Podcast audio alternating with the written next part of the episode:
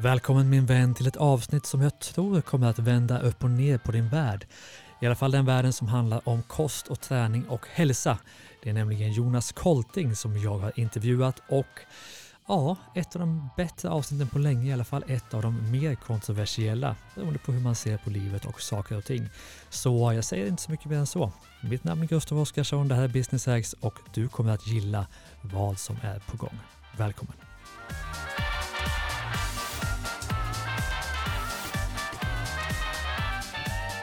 Varmt välkommen till Business Hacks Jonas Kolting. Tack så jättemycket. Det är kul att få vara gäst här. Ja, men superkul. Eh, läget med dig? Du, det är fint eh, får jag säga. Jag har eh, haft en väldigt vanlig dag i mitt liv. Jag har hållit ja. på en del med barnen i förmiddags. Tagit ner dem till förskolan som i och för sig bara är runt hörnet av där vi bor. Jag kan gå genom trädgården och säga det på en minut. Jobbat en del och sen har jag fått ett eh, riktigt fint träningspass mitt på dagen i eh, sol faktiskt. Så jag kunde vara ute på bar, med bar överkropp på sjön och suppa i nästan en och en halv timme. Så det var, det var förnämligt. Ja, men det är helt underbart.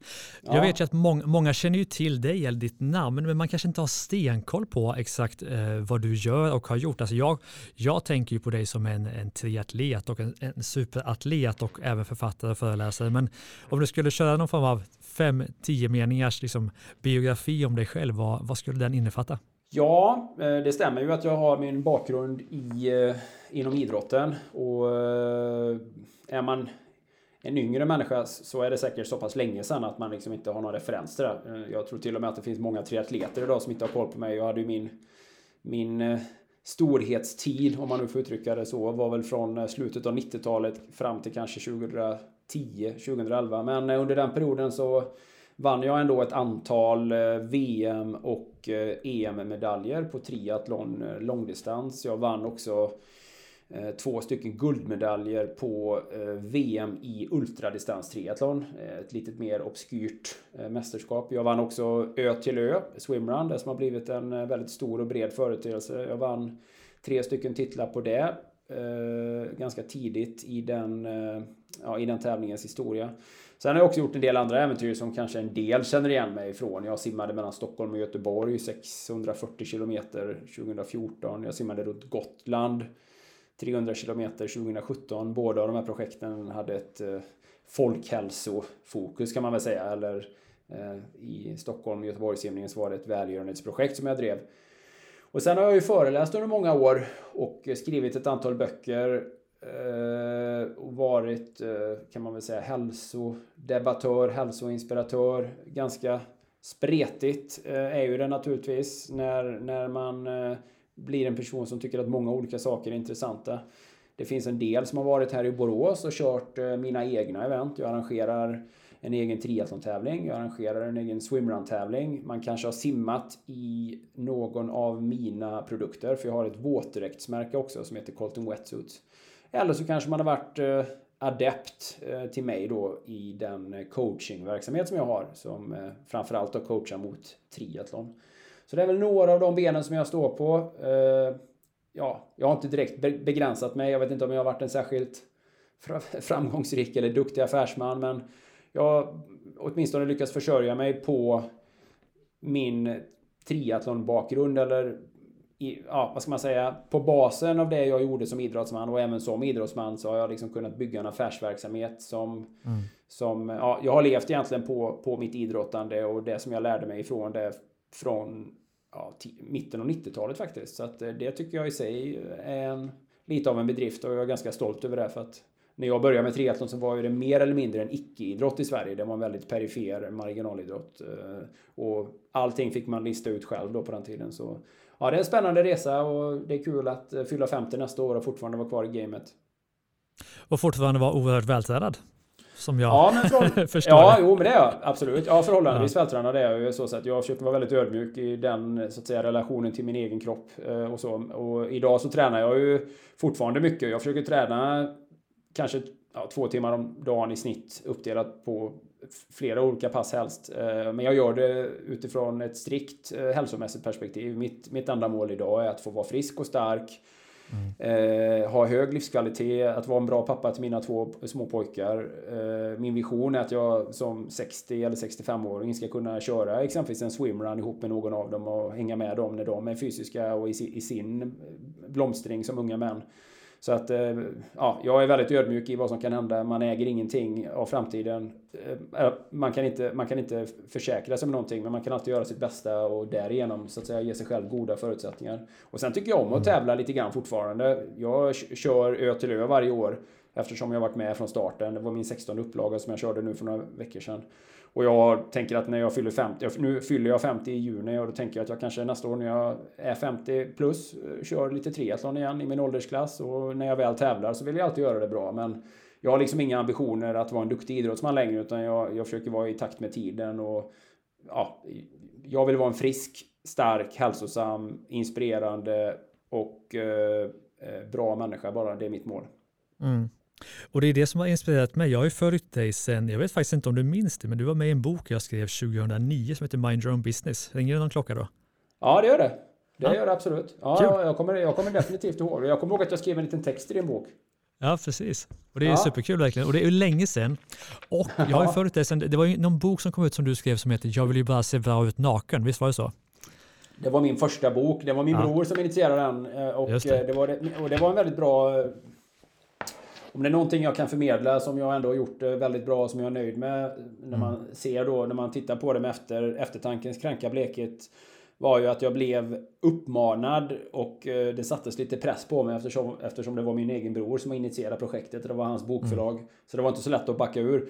Men när man får sätta sina tankar på pränt och när man behöver formulera det som man vet på något sätt. Eller som man tror sig veta intuitivt. Och när man behöver formulera det på ett sätt som gör att andra ska förstå det. Där man behöver skriva kort och koncist och slagkraftigt men ändå tydligt. Mm. Så, så blir det en väldigt bra övning i att, i att eh, stärka de egna tankarna och utveckla de egna tankarna och att dessutom driva den egna kunskapen framåt. Så att det stämmer, mm. det var min första bok.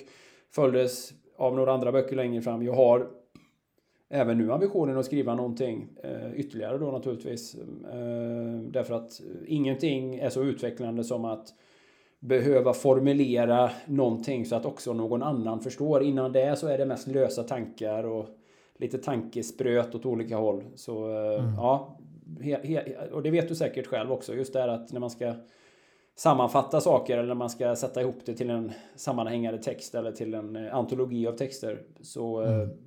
då kliver man också fram väldigt mycket med det egna tänket. Mm.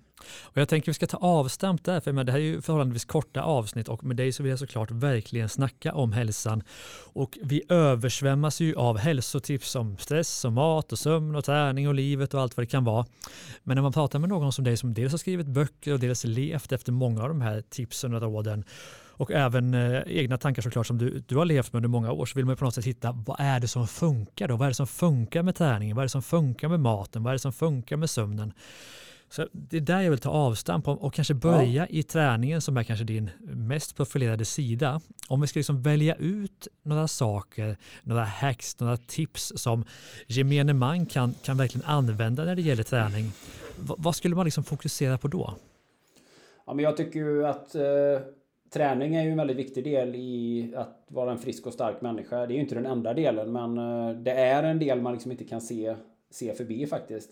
Sen är det ju på så sätt att det är inte säkert att man behöver byta om och göra distinkta träningspass i, i, aktiviteter som vi ofta betraktar som träning. Typ att gå på gymmet, spela padel, ut och springa, cykla, simma. Utan man kan, man kan ju säkert mycket väl vara en extremt fysisk människa. Exempel, jobbar du som Jobbar du exempelvis som bonde eh, på, på det lite äldre sättet så får du mm. säkert oerhört mycket fysisk aktivitet under din arbetsdag så du behöver liksom inte träna extra för det.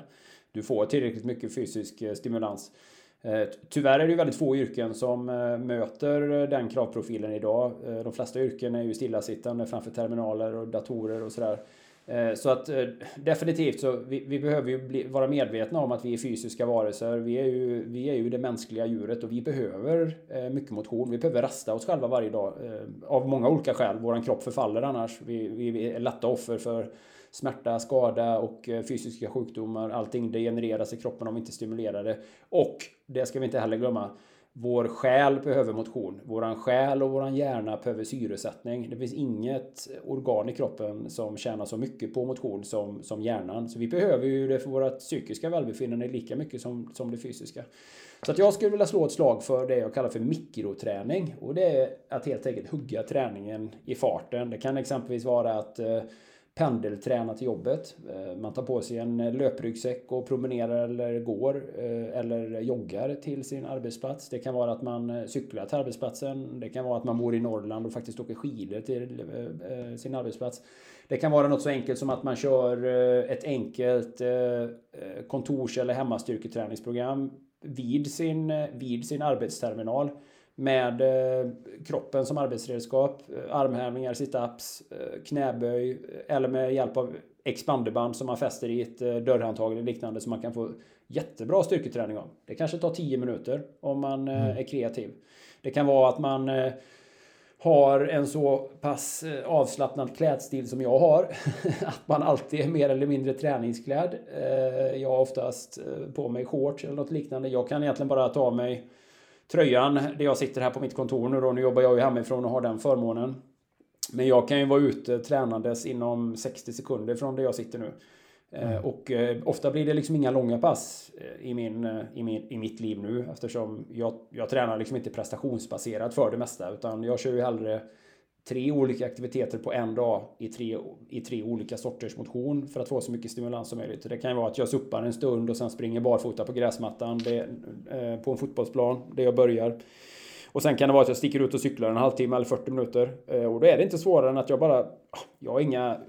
Ja, man behöver inte vara så pretentiös med sin träning. Alltså, byt en tröja, eh, ge dig ut och motionera. De flesta tränar ju ändå inte så hårt att de blir supersvettiga ja, mm. by, byt en tröja igen och så, ja, du kommer vara lite fuktig i pannan men sen då, du har fått motion. Och att man kan nöja sig med och fatta att ja, men 20 minuter är oerhört mycket mer än ingenting. Så att de här 20 mm. minuterna man får in då på sin lunchrast eller när det nu än är. Det är oerhört mycket värt. Eh, den här mm. halvtimman som man klämmer in, de här 10 minuterna, 10 minuterna styrketräning som man får vid sin egen arbetsplats det är jättemycket värt. Därför att Men behöver man ibland inte de här tuffare passen att verkligen få upp pulsen eller styrketräna hårt? Är inte forskningen ganska tydlig på att det också behövs? Förutom den här lite lugnare träningen. Eller jo, men det? Eh, ja, alltså vi måste, ju, vi måste ju veta vad vi pratar om här nu. De flesta människor gör ju ingenting. Eh, mm. Så att eh, då är ju all motion bättre än ingen motion.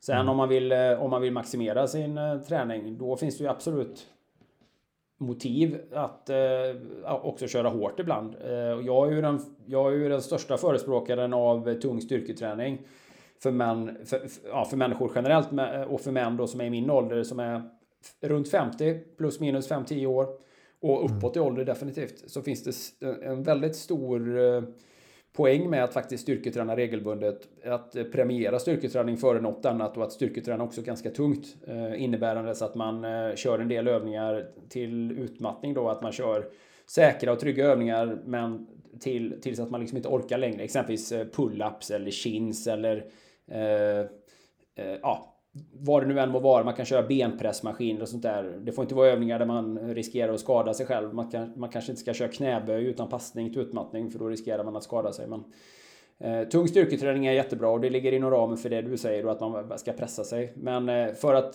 bara ha en hälsosam nivå, att, att bara vara en frisk människa som skyddar sig från de typiska livsstilsutmaningarna som vi har idag, typ diabetes typ 2 och liknande. Då handlar det om att bara göra någonting varje dag och att, reglera, och att sätta det också i kontexten med allt annat man gör. Alltså, nu pratar vi om träning och det kan man ju isolera ut och prata specifikt om, men jag tycker att helheten eh, också ska beaktas. Liksom. Eh, Jättehård träning med en värdelös kosthållning kommer fortfarande vara en ganska osund livsstil.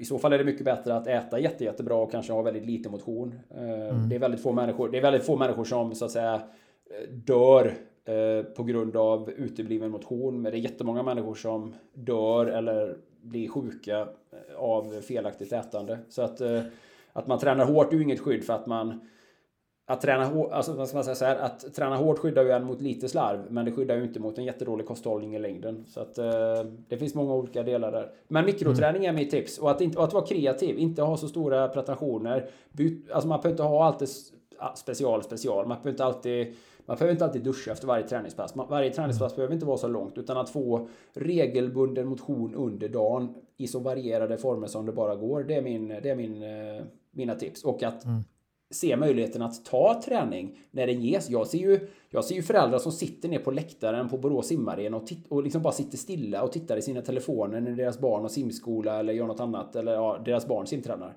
Varför är de inte i och simmar själva? Eller varför tar de inte på sig löparkläder och sticker ut och springer under tiden? Att mm. sitta still i en varm simhall är ju ett värdelöst sätt att eh, spendera den timmen på tycker jag. Eh, mm. Så, jag menar man kanske har sina skäl men man, det, finns, det finns alltid chanser och möjligheter och tillfällen som man själv skulle kunna få ett kort eh, motionstillfälle och det är den regelbundenheten i att göra det ofta som spelar roll i längden. Då.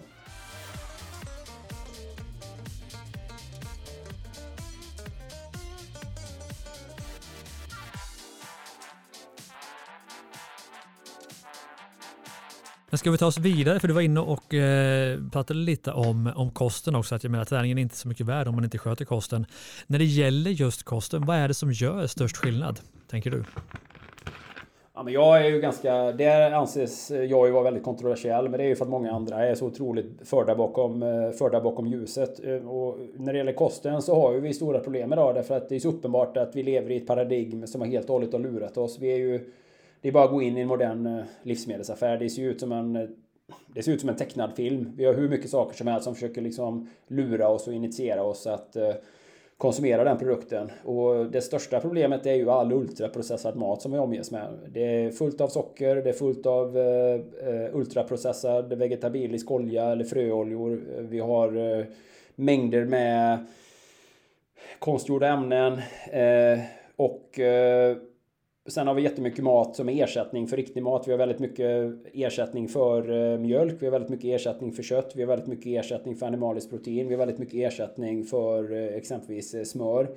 Och vi har ett paradigm då där vi har lärt oss att vara rädda för det mest naturliga och att hylla det mest konstgjorda. Så att om jag går upp i mitt kök nu så tar jag de här två, jag ska äta två stycken entrecote, ja, två stycken lammentrikås ikväll som jag har köpt från den lokala eh, av våran lokala rekoring här då, så är en lokal producent bara någon mil härifrån. Så då har jag två stycken köttbitar, helt fantastiskt marmorerade med animaliskt mättat fett. Och så skulle jag kunna gå in i skåpet längst in, eh, som det står gömt då, någon flaska rapsolja eller liknande. Och så eh, har det blivit så absurt att den här härliga lammkotletten som någonstans är så oprocessad och så naturligt som den bara kan är det som demoniseras som farligt och dåligt. Och den här ultraprocessade äckliga rapsoljan eh, hyllas som någonting värdefullt och hjärtvänligt. Så, och det är ju där, där ligger det ju stora där ligger ju det, det, stora problemet att vi är ju det enda djuret i världen som har glömt vad som är bra att äta. Vi är ju det enda djuret i världen som har tappat den intuitionen och vi är ju det enda djuret i världen som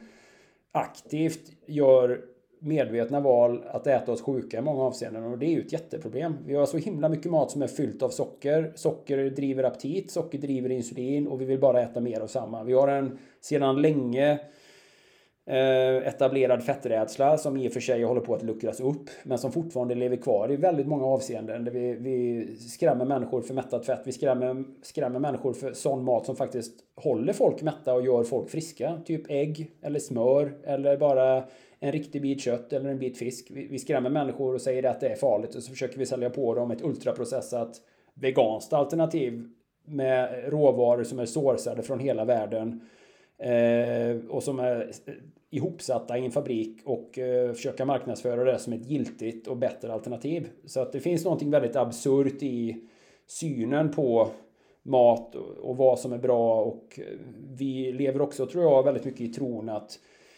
hela den här marknaden med kost eller med livsmedelsinformation, att den på något sätt skulle vara filantropiskt eh, byggd eller att den skulle vara på något sätt eh, byggd utifrån någon, någon människokärlek eller något, att det finns ett högre syfte.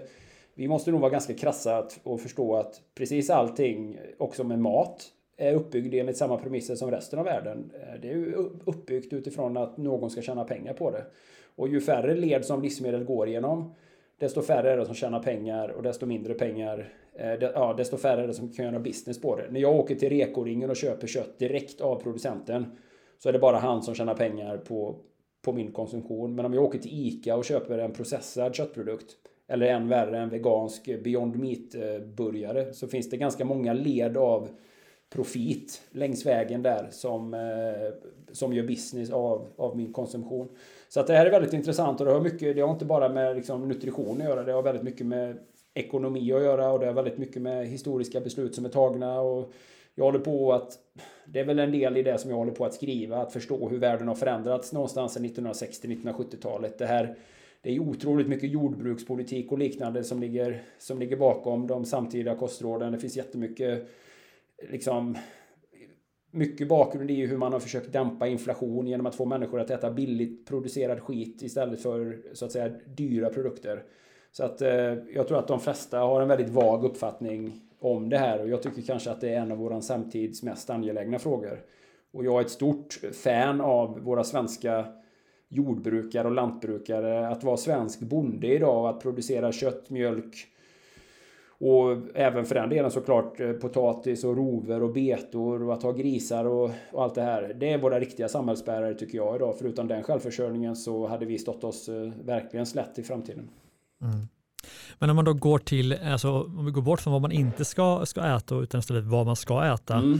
Och om vi går till dig, jag menar, ta dig som exempel då. Hur ser din kosthållning ut? Vad äter du för någonting? Jag äter väldigt mycket naturligt fett och naturligt protein. Jag äter... Mm. Jag, exempel. exempel. Ja, eh, vi kan ta vad jag har käkat idag exempelvis. I, mm. I vanliga fall går jag upp på morgonen och dricker kaffe med lite grädde i. Men idag gjorde jag det som jag kallar för bullet. Ja, bullet coffee brukar man kalla det. Men mm. en, liten, ja, en liten hemmagjord latte skulle man kunna säga. Men då tog jag en, ja, två koppar kaffe och så blandade jag i två stycken äggulor.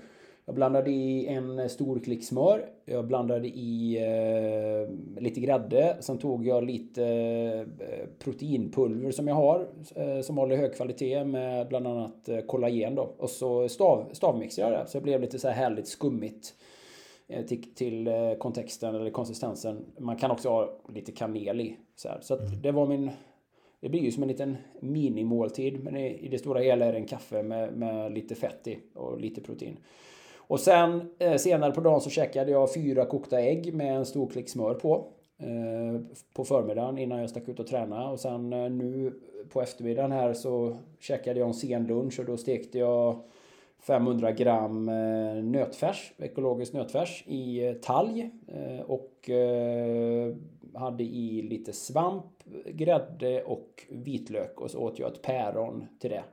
Och eh, ikväll så kommer jag käka lite sallad tror jag det blir. Eller om min fru gör, kokar lite kanske lite potatis eller lite andra rotfrukter. Kommer jag äta det, men framförallt kommer jag äta två stycken eh, köttbitar. Två stycken lammentrikå då med hemmagjort vitlökssmör. Tror jag det blir till. Så att, eh, jag, igår käkade jag en stor laxsida till lunch. Eh, då köper jag sån här eh, sushi, sushi kvalitet lax och så äter jag den rå. Tycker det är hur gott som helst. Det är som att gå på en, eh, det är som att gå på en sushibuffé och bara plocka bort all lax och skita i riset. Ungefär så, fast 700 gram av det då. Mm. Så åt jag lite apelsin till med det. Så att eh, jag menar, jag är ju lika... Jag tycker det är lika gott med bakverk och tårta och jag menar... En eh, hönökaksmacka med Bregotto-ost. Jag menar, det finns ju inget godare. Jag tycker det är hur gott som helst. Men jag vet också att jag blir lite sämre av den maten. Jag unnar mig att äta sånt som jag bara tycker är jättegott och lite sämre emellanåt såklart. Eftersom jag i allra högsta grad mänsklig och fallerbar och har, har väl inte bättre moral än någon annan.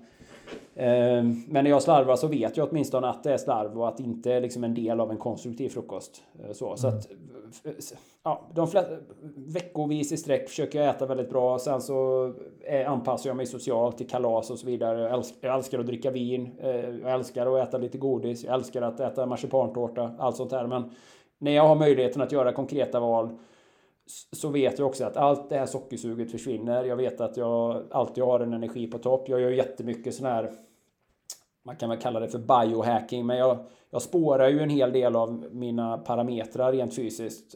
Jag har ju väldigt bra intuitiv koll på min kropp, men jag mäter ju min sömn och jag mäter min djupsömn. Nu har jag, jag mäter, har en sån här ketosmätare som mäter hur mycket i ketos jag är. Och nu har jag faktiskt testat en sån här glukosmätare som mäter blodsockret. Och det är så himla uppenbart att det som gör att jag kanske nu är i, ja, det är klart att jag är i jätte, jättebra form. Åtminstone, speciellt för att jämföra med någon i min åldersreferens. Men det är jag bara för att jag tränar hela tiden och därför att jag äter bra. Det finns liksom inga andra... Det finns liksom ingen annan Eh, ja, jag är inte speciellt begåvad på något sätt i något annat sammanhang. Alltså jag är ett resultat av mina vanor. Och när jag slarvar så märker jag det snabbt.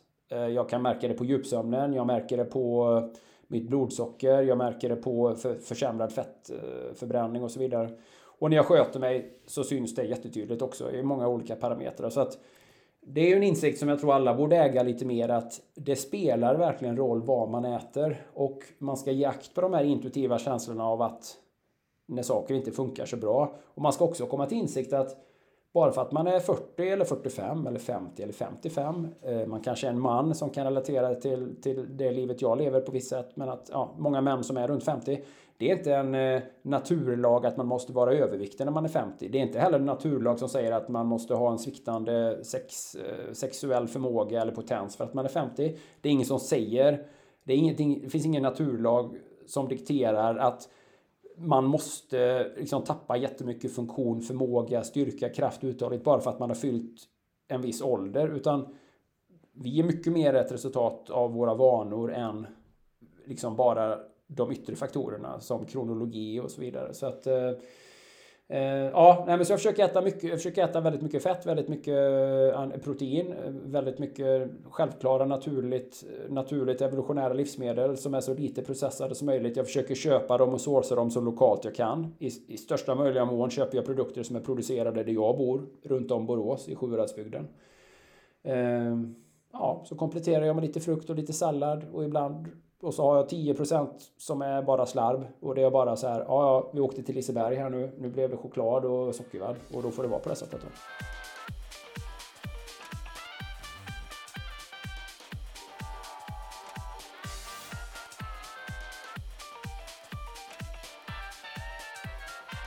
Men det du skiljer dig mot, alltså jag är ju också intresserad av de här frågorna och eh, kost definitivt.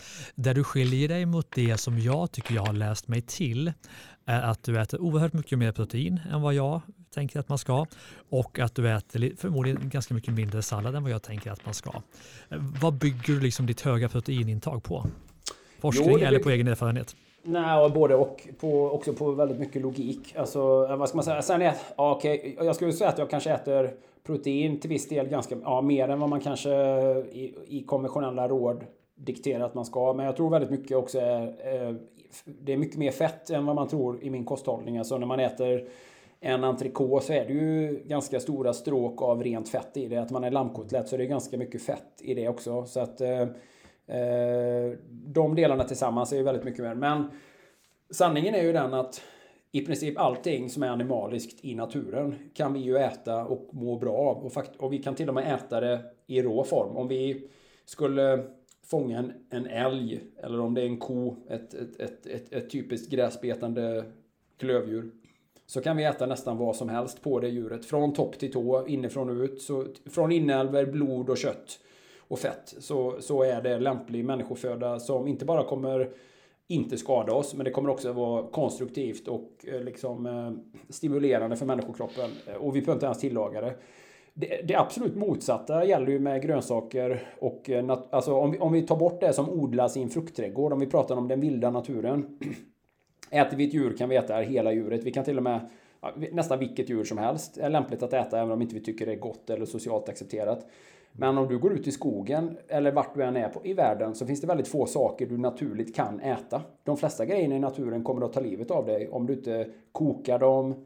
Eh, ja, väldigt mycket är ju inte ätbart överhuvudtaget. Och de sakerna som vi har lärt oss att äta över tid, mycket av det behöver ju kokas, det behöver förvällas, det behöver syras, det behöver behandlas i många olika avseenden. Det behöver torkas och malas och späs ut och så vidare och så vidare. Och eh, där finns ju ett problem naturligtvis. Sen har vi kultiverat mycket grönsaker och frukter genom åren. Men det är ju liksom ett, det är ju ett, det är ju ett resultat av industriell eh, förädling eller liknande. Där vi har merparten av det vi äter idag i frukt och grönsaksväg. Det fanns ju inte ens för kanske 500 år sedan eller 1000 år sedan. Och definitivt inte i den formen vi äter det idag.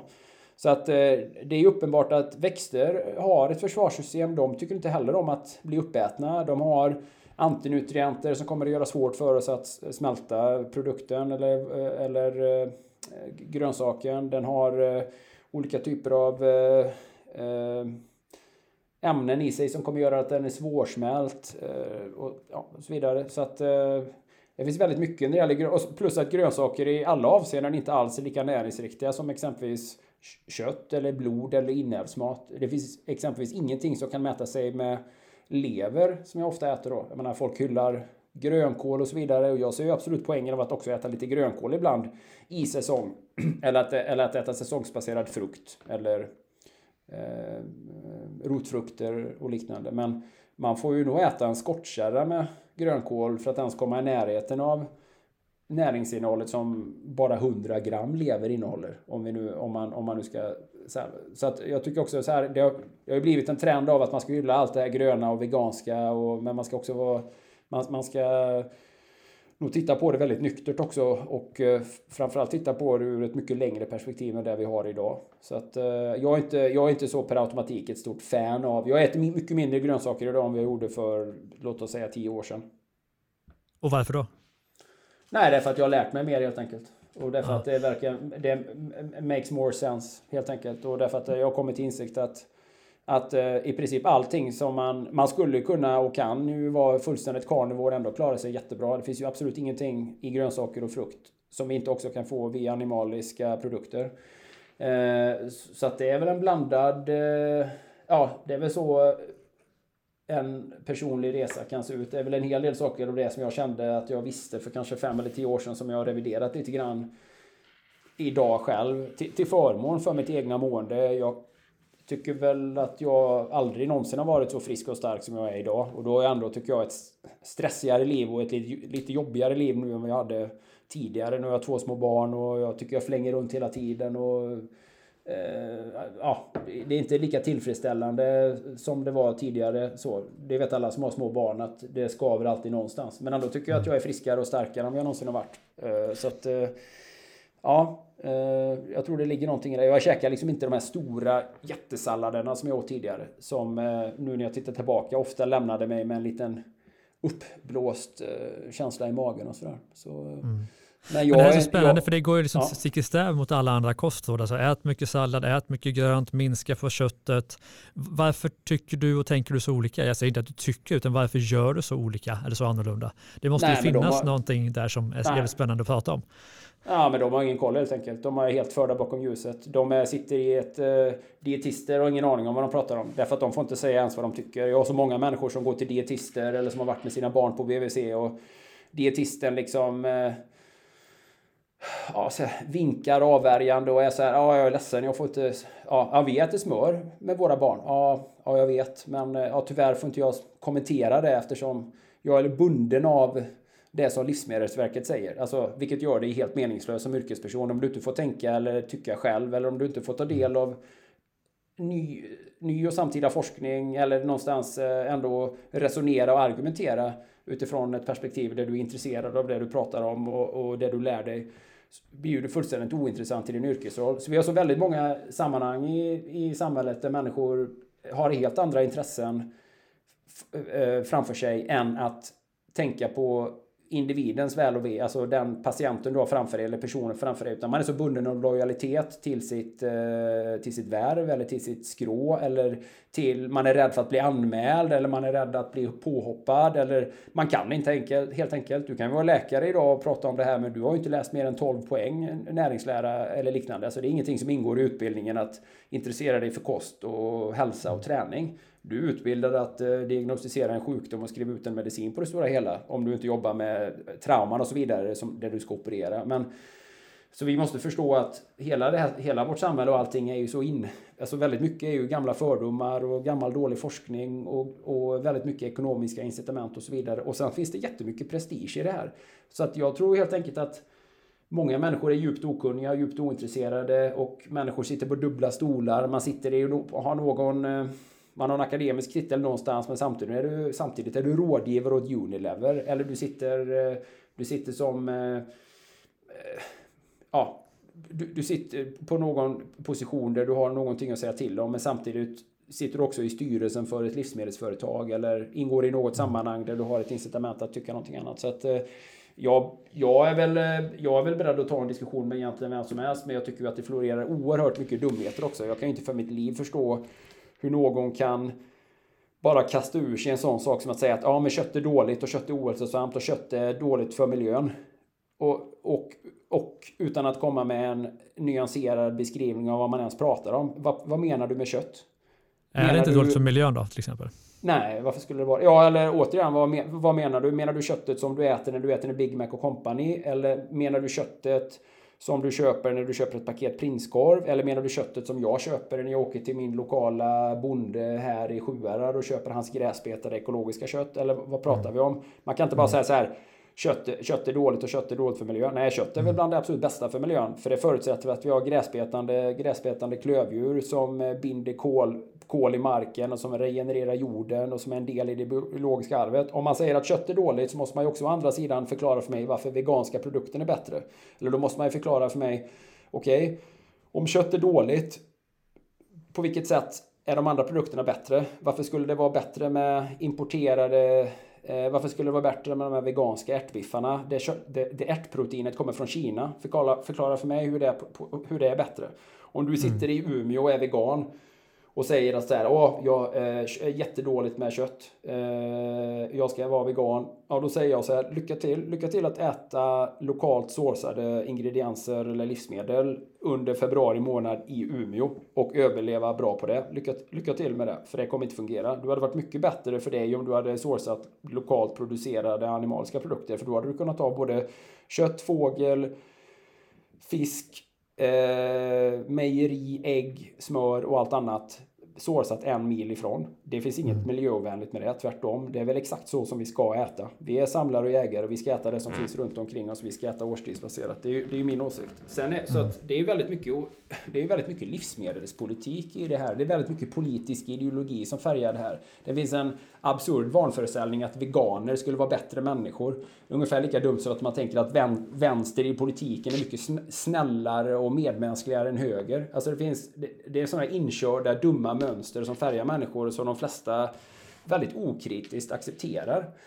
Så att, eh, och det vänder jag mig väldigt, eh, väldigt starkt emot. Eh, jag tycker veganism, det är ju en ätstörning och det leder ofrånkomligt till dålig hälsa över tid. Det leder också till att man okritiskt äter socker och andra saker för att liksom kompensera för bristande fett och så vidare. Vi har en uppsjö av unga kvinnor idag som inte kan få barn eller som inte är fertila för att de inte har ätit tillräckligt mycket fetter och som har ett hormonsystem som är helt uppåt väggarna och sådär. Så att det finns mycket desinformation där ute som skapar problem och, och eh, ätstörningar och som skapar väldigt mycket oro och ångest och väldigt mycket dåligt samvete och sådär. Så att eh, det försöker jag i den mån jag kan att vara något av en Eh, ja, in, jag ska inte säga att jag är en sanningsägare för jag försöker vara väldigt ödmjuk i det. Jag vet inte vad sanningen är men jag kan bara se det från mitt perspektiv. Sen får man avgöra själv. Jag försöker någonstans vädja till människors egen logik och intuition. Att tänka själva och reflektera och ifrågasätta. Om, om människan har ätit kött i alla tider sedan människans ursprung, någonstans sedan tidernas begynnelse. Vi har ätit nose to tail, vi har ätit benmärg och fett och inre organ och blod. Och i det stora hela ser det inte annorlunda ut idag än ett gräsbetande klövdjur ser ut ungefär som det såg ut för, för 500 000 år sedan. Och människan i det stora hela, vi mådde ändå ganska bra fram till 60-talet, 70-talet. Alltså vi hade inte ramponerande övervikt, vi hade inte jättemycket diabetes typ 2, vi hade inte jättemycket hjärt och kärlsjukdomar på det sättet. Eh, och sen under de senaste 50 åren har vi haft ett enormt inflöde av sockrade produkter. Av eh, konstgjorda produkter, av halvfabrikat, ultraprocessad mat, margariner. Vi har haft en, en hel läkarkår som ställer sig bakom att margariner och oljor är bra. Vi, vi har samtidigt introducerat sjukt mycket eh, olika typer av vegetabiliska oljor, matoljor. Inte bara margariner utan i alla olika sammanhang. Eh, sådär. Så att någonstans finns ju det ett tydligt sammanhang här som man liksom inte kan blunda för. Eh, som man, kan, som man åtminstone måste kunna förklara och argumentera för. Eh, och, eh, så att ja, jag gör väl mitt bästa att försöka ta den debatten och för egen del är jag ju bara ett exempel. Jag är ju bara, liksom, vad säger man? Jag är ju bara ett exempel av ett. Jag är ju bara en, jag, i min egen lilla ministudie som jag gör här så är jag ju bara har jag ju bara mig själv och jag gör ingen ansats att vara forskare eller att jag gör ingen ansats att tala för alla heller. Jag har ju bara en ansats att berätta hur jag gör, mina egna erfarenheter, hur jag ser det, hur jag tolkar världen. Och sen får man göra vad man vill med den informationen. Jag kunde inte bry mig mindre om vad folk i allmänhet äter. Om man vill eh, bli arg på mig och säga att men jag tänker äta vegansk mat och jag tycker du är dum i huvudet. Säger jag bara varsågod. Eh, det är helt upp till dig. Men om du vill ha en diskussion med mig och argumentera med mig så måste du vara beredd att tala för dig. Mm. Oerhört spännande. Dels så känns du ju lite ensam i din ringhörna vilket gör det ännu mer, mer intressant. Och dels så, tror så vi måste pausa just den här lite, lite mer politiska delen av det. Men, men ska vi på något sätt ändå sammanfatta för, för lyssnaren om man ska följa dina kostråd, hur, hur liksom, kanske inte är lika extrem som dig, vad skulle du rekommendera att, att man äter under en dag? Men sen måste man komma ihåg en sak. Det är inte ett ingenting är noll eller hundra. Det handlar inte om att man ska vara dogmatisk. Det handlar inte om att man ska vara svart eller vit. Det är inte det det handlar om. Mm. För, för, att jag äter ju också sånt som jag vet är dåligt. Jag äter godis Absolut. och jag äter, jag menar, jag äter på McDonalds ibland och så. Men jag har en medvetenhet kring det som gör att jag också ser att ja, men det här är inte hundra procent. Det här, mm. jag lurar inte mig själv i sammanhanget. Så att jag tycker bara att man ska, man ska fråga sig själv vart man själv tror att man har förbättringspotential. Om, mm. Jag menar, jag har saker jag jobbar på hela tiden. Jag försöker vara jätteödmjuk. Jag tror inte att jag är bättre än någon annan. Jag tror inte att jag har bättre förutsättningar. Jag vet att jag är jättesårbar och att livet kan ta slut imorgon. Så jag försöker, liksom, jag försöker jobba på min hälsa. Jag slår mig inte för bröstet och säger Åh, jag är så, jag är så duktig. Jag vann VM-guld i triathlon. Jag, jag är jag är garanterad livslång hälsa. Absolut inte. Jag är inte garanterad ett jävla skit. Det kan gå åt helvete imorgon. Så att jag tänker, jag försöker liksom jobba med min hälsa hela tiden och ifrågasätta och tänka och, och liksom hela tiden reflektera över vad som är bättre och vad som är sämre.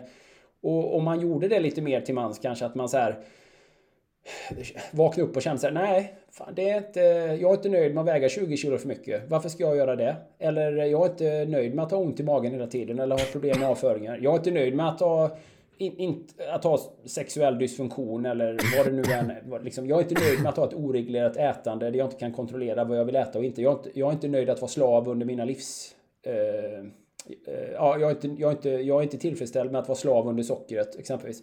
Och ifrågasätter man det och intresserar sig lite grann så hittar man ju lösningar. Och med lite disciplin och lite test och sådär så, så upptäcker man saker med sig själv att man faktiskt kan påverka. Så jag skulle bara vilja säga så här. Ja, men försöka skära ner på vardagssockret. Skär ner på alla mackor och spannmål och sånt där. Se inte det som ett absolut nödvändigt att äta frukost varje dag exempelvis. Testa att fasta. Jag fastar varje söndag till måndag och ibland lite längre också. 30, ja, ofta, ofta mellan 24 och 36 timmar. Mm. Eh, oerhört värdefullt för alla medelålders människor. Eh, sådär. Så att jag, jag, jag, tycker bara att man ska testa. Man ska göra lite små förändringar. Man ska inte nöja sig med att må sådär. Man ska inte se det som att så här, ja, det är ju så vanligt att må lite halvdåligt idag att det, det, är normalt. Nej, det är inte normalt. Det är bara tråkigt att det har blivit så vanligt hos så himla många. Så att om man kan se det utifrån den kontexten och, och, och se sig själv lite mer som det mänskliga djuret. Jag menar om man hade ett husdjur så hade man varit himla noga med att sköta det husdjuret så som det ska. Om man jobbar på en djurpark och så har man ansvar för lejonen, då är det ganska uppenbart att du måste ju ge lejonen den stimulansen som lejonen ska ha. Du kan liksom inte kasta in sojaburgare till lejonen och hoppas att de ska äta det därför att man tycker att det borde vara så. Det spelar ingen roll vad du tycker att det skulle vara som. De behöver äta kött, för det är vad lejonen gjorde för. Man, man kan liksom inte... Man kan inte... Det här med social engineering som man pratar om. Det finns vissa saker som vi liksom inte kan göra om till en modell som passar oss och våran ideologi. Naturen är grym. Folk gillar inte ens att se att en eh, björn attackerar en älg, även om det är så i naturen. Jag menar, vi är ett mänskligt djur. Vi har en manual på något sätt och när vi någonstans kan acceptera det och närma oss det lite grann så tror jag att vi blir lite mer tillfreds. Gör inga livsomvälvande förändringar. Gör små förändringar, men håll fast vid dem. Och gör många små förändringar och över tid så spelar det roll. Implementera lite mer motion. Se till att få sol och frisk luft varje dag. Utsatt för lite värme och kyla. Bli lite mer bekväm med sånt som är obekvämt. Träna lite grann varje dag. Hellre två pass a tio minuter än ingenting alls. Revidera maten lite grann. Du vet, och så vidare. Alltså så här, Mm. Vad behöver det här mänskliga djuret för att må bra? Så att det är sådana små, små förändringar som jag implementerar. Och sen skulle jag också vilja säga som en sista grej är att jag tror ändå att det finns ganska många som tycker som jag faktiskt, men de får rätt så lite utrymme massmedialt. Vi måste också komma ihåg att det här har blivit kontroversiella åsikter som gärna tystas. Alltså man kan driva den här agendan på Instagram att vi ska äta kött och det kan liksom sluta med att du blir blockerad från Instagram. Därför att det upplevs som aggressivt eller som kränkande till och med. Så att vi måste komma ihåg att vi lever i en väldigt... Eh, en speciell värld idag där alla åsikter liksom inte... Många lär sig inte att argumentera för någonting och vi kan inte skilja på sak och person. Och eh, på det globala planet finns det ändå ganska många nu, både riktiga auktoriteter, alltså inte låtsasauktoriteter som jag, utan riktiga läkare och forskare och eh, människor som verkligen vet vad de pratar om, som skulle säga exakt det som jag har sagt i det här avsnittet nu. Så att eh, det är bara att lyfta blicken lite grann och titta, titta längre än till, till svenska gränsen så kommer man att se ganska många eh, starka röster med olika åsikter runt om. Och jag tycker alltid det är mycket värt att, även om inte jag håller med om allting, med vad det än må vara, så finns det alltid en poäng med att sätta sig in i deras argument, därför att det driver den egna argumentationen framåt också. Jonas, jag har ju ungefär 20 frågor kvar, men tiden springer. Ja, jag förstår det. Du har ju svarat på ohyggligt många av mina frågor och det här blev ett samtal. Jag ska inte säga samtal för det är faktiskt du som har tagit över lite och jag gillar det. Ja, ja. för jag, ja. jag, jag, ber om ursäkt, med, jag ber om ursäkt för det. Men du ställer ju frågor och jag kan inte annat än svara. Jag vet och jag har med andakt lyssnat. Det är så jävla spännande att liksom, som du säger, de flesta springer ju någon form av flock. Rätt eller fel, jag, jag är fel person att uttala mig om exakt ja. kring forskning kring detta. Men det är så oerhört spännande att, att få en frisk fläkt och bara lyssna till, till dina argument, till dina råd, till dina dina tips och jag uppskattar det enormt för de, de skiljer sig lite från vad jag har tagit till ja, mig kopplat till absolut. träning, hälsa och sömn och liknande. Ja, Men icke jag, desto mindre så är det som, det är du som utvecklar och lär dig någonting. Ja. ja, jag tycker vi ska vara ödmjuka bara. Det är jätteviktigt att vi mm. inser liksom att livet är väldigt kort och vi är väldigt sköra och vi är väldigt sårbara. Men, men vi är mänskliga organismer som, som, som vi är otro. Vi har en enorm potential i allting som vi gör. Alltså vi har en enorm potential till hälsa och till uthållighet, till styrka och kraft. Men vi, liksom, vi måste trycka på rätt knappar och sätta igång maskinen på rätt sätt. Vi måste mata våra kroppar med rätt saker. Vi måste ge rätt input och rätt stimulans. Och vi, vi ska liksom inte vara martyrer som tror att vi ska uppoffra oss för, någon, för, för, för något högre syfte eller någon högre ideologi på det sättet. Jag menar, om vi sköter om oss själva och är starka, friska och, lyckliga människor så är vi en tillgång för alla i världen. Vi är en tillgång för oss själva, för vår familj, för samhället, vår community och alla andra. Ingenting blir bättre av att vi mår sämre, mår dåligt eller eh, gör, om vi nu ska kalla det för uppoffringar. Men alltså, ingenting blir bättre av att inte vi är friska och starka. Om du förstår vad jag mm. menar. Så just detta att, och, och vi kommer att påverka och vi ska påverka. Eh, mm. Och vi, vi, ingen av oss är dömda till livslång ohälsa. Ingen av oss är dömda till si eller så när det gäller dysfunktion. Ja visst, vi har inte samma förutsättningar och vi, det finns saker vi inte kan påverka. Men otroligt mycket kan vi påverka. Vi kan alltid göra det bästa av det vi har eh, i sammanhanget. Och det spelar en, en, en, enormt stor roll för, för självkänslan och eh, eh, den egna makten. Att vara maktlös måste vara den värsta känslan som finns. Att känna att ingenting av det man gör eller säger eller tycker spelar någon roll. Eh, en sak ska vi komma ihåg att vi, att vi kan alltid påverka oss själva genom de valen vi gör och genom den inställning vi har till utmaningar som vi möter och sådär. Så att eh, Ja, därav, ja, vad ska man säga, min relativa frispråkighet. Men jag tycker själv att jag bara säger uppenbara självklarheter. Men jag, mm. jag baserar ju allting jag säger också i väldigt stark ödmjukhet. Jag har ju bara ett väldigt starkt intresse av att leva ett, ett, ett, bra liv själv. Jag vill, jag vill vara en bra förälder, jag vill vara en bra pappa till mina barn, jag vill vara en bra make, jag vill vara en bra, jag vill vara en bra människa och jag vill vara någon som människor kan lita på. Jag vill, jag vill ge eh, jag vill vara en tillgång i, i min community och i den kontexten jag rör mig och eh, det gör jag genom att vara ärlig och, och sådär. Och jag är inte heller sämre än att jag kan ändra mig och säga så här. Ja, jag har nog bytt åsikt i den här frågan därför att mer information har kommit fram i ljuset. Jag har noll prestige i det här. Därför att livet, det är så det är. Idag, imorgon märker vi att någonting inte stämmer med det som vi tyckte tidigare för att vi har fått nya fakta i frågan. Och då måste vi vara beredda att säga så här. Nej, jag har nog reviderat min åsikt lite grann här. Jag är nog benägen att säga att jag, håller, jag tycker mera så här eller så där eller så där. Va? Så att, och eh, ja, det, Ja, mm. just det. Men det, är, väl, det är väl vad jag har att säga. Ja, men om man vill bli oerhört nyfiken, om man vill ta ja. del av mer av detta, böcker, podcasts, liknande, alltså hos dig och hos andra, ja. vart ska man bege sig då? Man vill fördjupa Nej, sig? Man kan, vi, nu, vi pratar jättemycket om det här i min podcast just nu faktiskt. Vi kommer prata mer om eh, Mat Vad heter den? Och, ja, den heter Coltings nakna sanning. Och ja. eh, den kommer varje vecka. Vi har gjort 372 avsnitt. Det är jag, primärt jag och min eh, sidekick eh, Niklas som är producent av podden. Vi, vi pratar mm. om det här. Ibland har vi gäster. vi, eh, eh, ja, vi rör oss runt många olika områden och vi är ganska personliga och sådär. Vi har rätt mycket som är off topic och så med. Sen så skriver jag ju en del på min Instagram, Jonas Kolting. Och eh, sen är ju min ambition att jag har inte riktigt kommit igång med att föreläsa efter pandemin här tyvärr. Jag fick ett, eh, ja men, eh, det har varit segt att komma igång om jag ska vara ärlig. Därför att livet har blivit så mycket större. Jag är så himla gärna hemma med mina barn. Mm. Faktiskt. Det är inte lika kul att åka ut och bo på hotell som det var tidigare. Men eh, jag har ambitionen att komma ut och göra en större föreläsningsturné. Och sen den stora ambitionen är ju såklart att skriva en bok. Alltså jag har jättemycket, och det är så stimulerande att få vara gäst i en podcast som, som dig och att du, du är så himla bra som låter mig prata. Och, för att det, det blir så här, därför att ja, helt plötsligt får jag sätta ihop olika trådar i mitt eget huvud och det leder vidare till ett utvecklat tänk. Och det är ju det, exakt det här som jag hade velat någonstans fånga upp och sätta ihop till en bok, en, en helhetsbok som handlar just om de problemen som vi möter i våran tid och möta mycket av dem möta väldigt många av de argumenten som vi har talat om här och att försöka bli ett, ett, eh, ett, ett, ett ljus av kunskap eller ett ljus av insikt eller ett ljus av bara annorlunda åsikter i, i en värld av desinformation då som jag tycker. Så mm. förhoppningsvis kommer det någon bok om, om, om ett, om ett tag, om ett bra tag. det hoppas vi verkligen. Men nu ja, måste jag sätta punkt. Ja, måste sätta punkt.